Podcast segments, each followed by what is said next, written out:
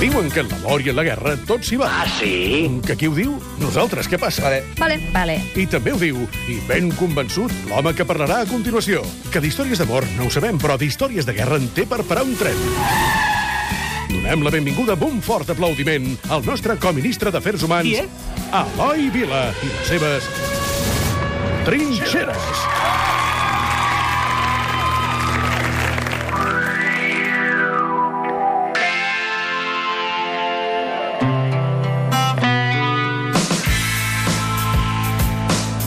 Vila, que li queden 14 minuts i acaba de fer 25 gestos eh, que jo no he entès, però que tu ja l'has espillat? Està aterrant, està aterrant un avió a la diagonal. Sí, ah, jo he entès això, sí. Bé, vindria a dir que em costa té mitja hora i Sí. jo molt menys, no? Sí. Ah, ah, és un Vindria retret. això. No, no, no, no. no. No, comences a és una explicar les teves, les teves anècdotes de Don Balón, de, de no sé què, no sé quanto, i és culpa teva. tot. Don Balón. Quin, quin meravellós nom és Don Balón. Bé, una És una revista esportiva revista. mítica, Sí, sí, sí. Sherman. Història de futbol que es va crear als anys 70 i que jo hi vaig començar a treballar. De fet, vaig demanar la beca a la facultat quan estudiàvem. Teníem llavors Jo la possibilitat quiero de ir a demanar Don beca. Balón. No, tothom demanava venir a Catalunya Ràdio i TV3. Vaig pensar, no me la donaran.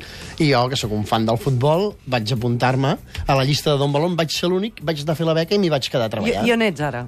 a, Ara. a Catalunya Ràdio. Veus? Sí, no, no, però no tinc cap problema, però vaig pensar, és que no em donaran final- la beca. Que al final la vida et porta allà on t'havia de portar, saps?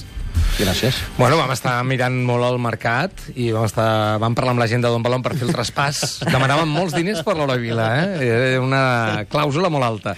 Va, Eloi Vila, avui fent trinxeres com cada 15 dies, ja ho diré Molt bé. Eh? A l'estat de Gràcia, ara És que més- s'acaba ho entenc. Exacte. Adona't que avui és l'últim dia que fem trinxeres, també. No fotis. Home, Clar. no, Ja- ja no vindràs més? No, perquè acabeu quan? El 14 de juliol. Setmana que 14 de ve. Molt bé. Bueno, però vindràs al sopar, no? Sí, home. Bueno, és I més, tant. el pagues tu. El ah, meu. això no, se- no dit. El meu. Som gaires. sí, déu-n'hi-do. 52. Va, fem trinxeres. Avui ens expliques la història del Francesc Boix. Sí, d'aquest home. No eren estrelles, eren triangles. Triangles que amb el color i la lletra indicaven la nacionalitat. Els únics que duien pròpiament una estrella de cinc puntes, vermella i groga, eren els jueus.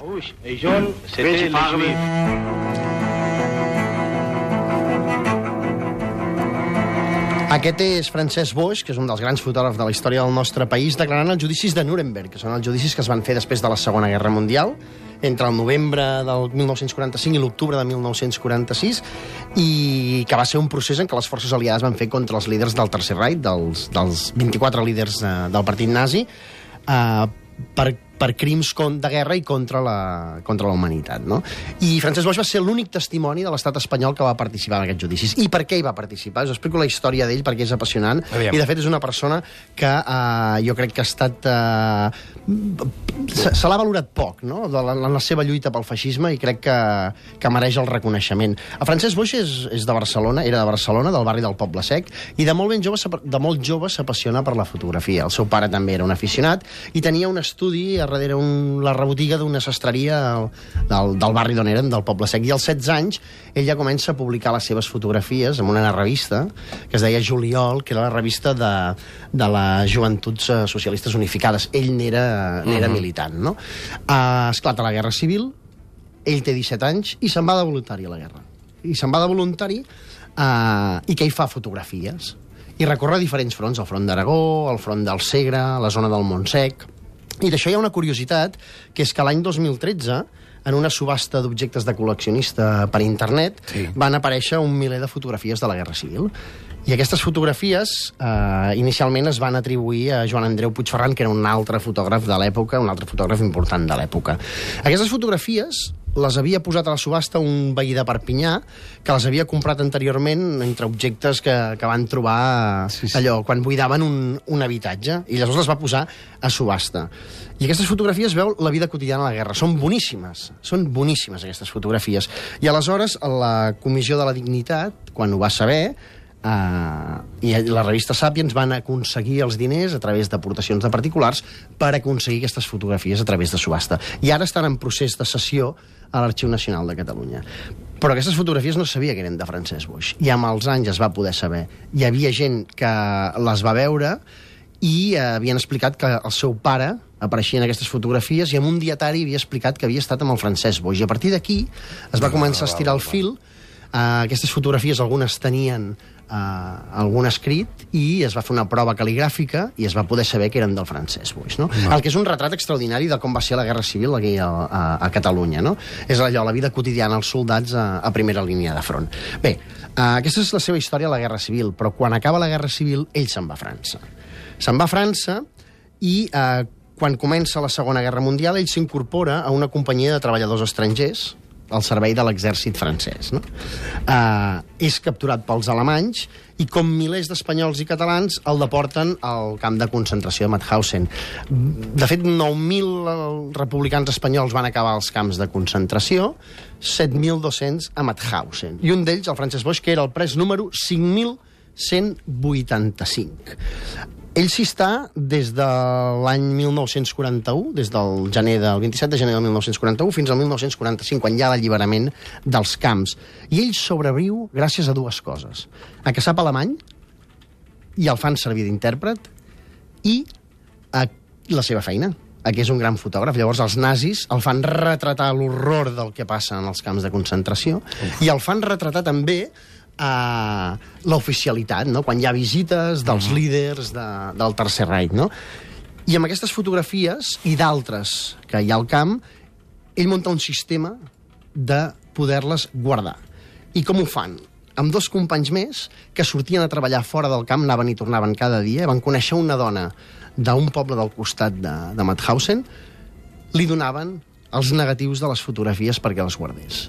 I un cop van alliberar els camps, tot això es va poder salvar i les seves fotografies s'han convertit en una icona arreu del món de la barbària nazi, de l'extermini jueu i del que es va viure en tants camps de concentració, en el seu cas, a Mauthausen. Que es devien fer servir en els judicis. I, efectivament, ell es converteix, amb el seu material i el seu testimoni, en un testimoni únic també d'aquests judicis a Nuremberg, en els quals va explicar això. Primer feia d'intèrpret, perquè gairebé no hi havia cap espanyol que parlés l'alemany. La meva feina era traduir les barbaritats que les SS em feien dir tota l'estona. Després, la meva feina va ser de fotògraf. En revelava les pel·lícules i les fotos de tot el procés del camp. De, de, de tout le procés du camp. Que la teva passió l'hagis de canalitzar així, que t'obliguin a treballar amb la teva passió en aquest sentit, ha de ser terrible. Sí, ha de ser terrible, però ell eh, ell ho va aprofitar en la seva lluita pel, contra el feixisme. Ell va pensar això, Clar. si surto viu d'aquí... I per sobreviure. Eh, ho podré explicar al món, o d'alguna manera la meva feina servirà per explicar al món això. I deixeu-me... Eh, escoltem un altre fragment sí, del que diu Boix, perquè aquí en aquest cas relata exactament com va anar l'arribada de presoners al camp. L'arrivée des premiers prisonniers de guerre L'arribada dels primers presoners de guerra va ser el 1941, a mitjans de novembre. Es va anunciar l'arribada de 2.000 presoners de guerra russos, i efectivament es tractava de presoners russos.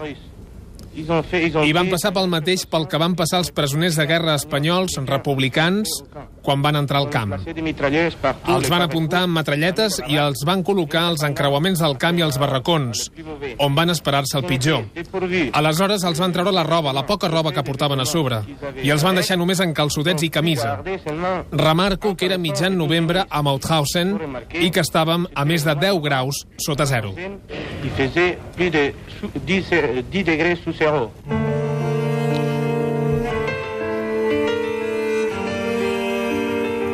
Déu-n'hi-do.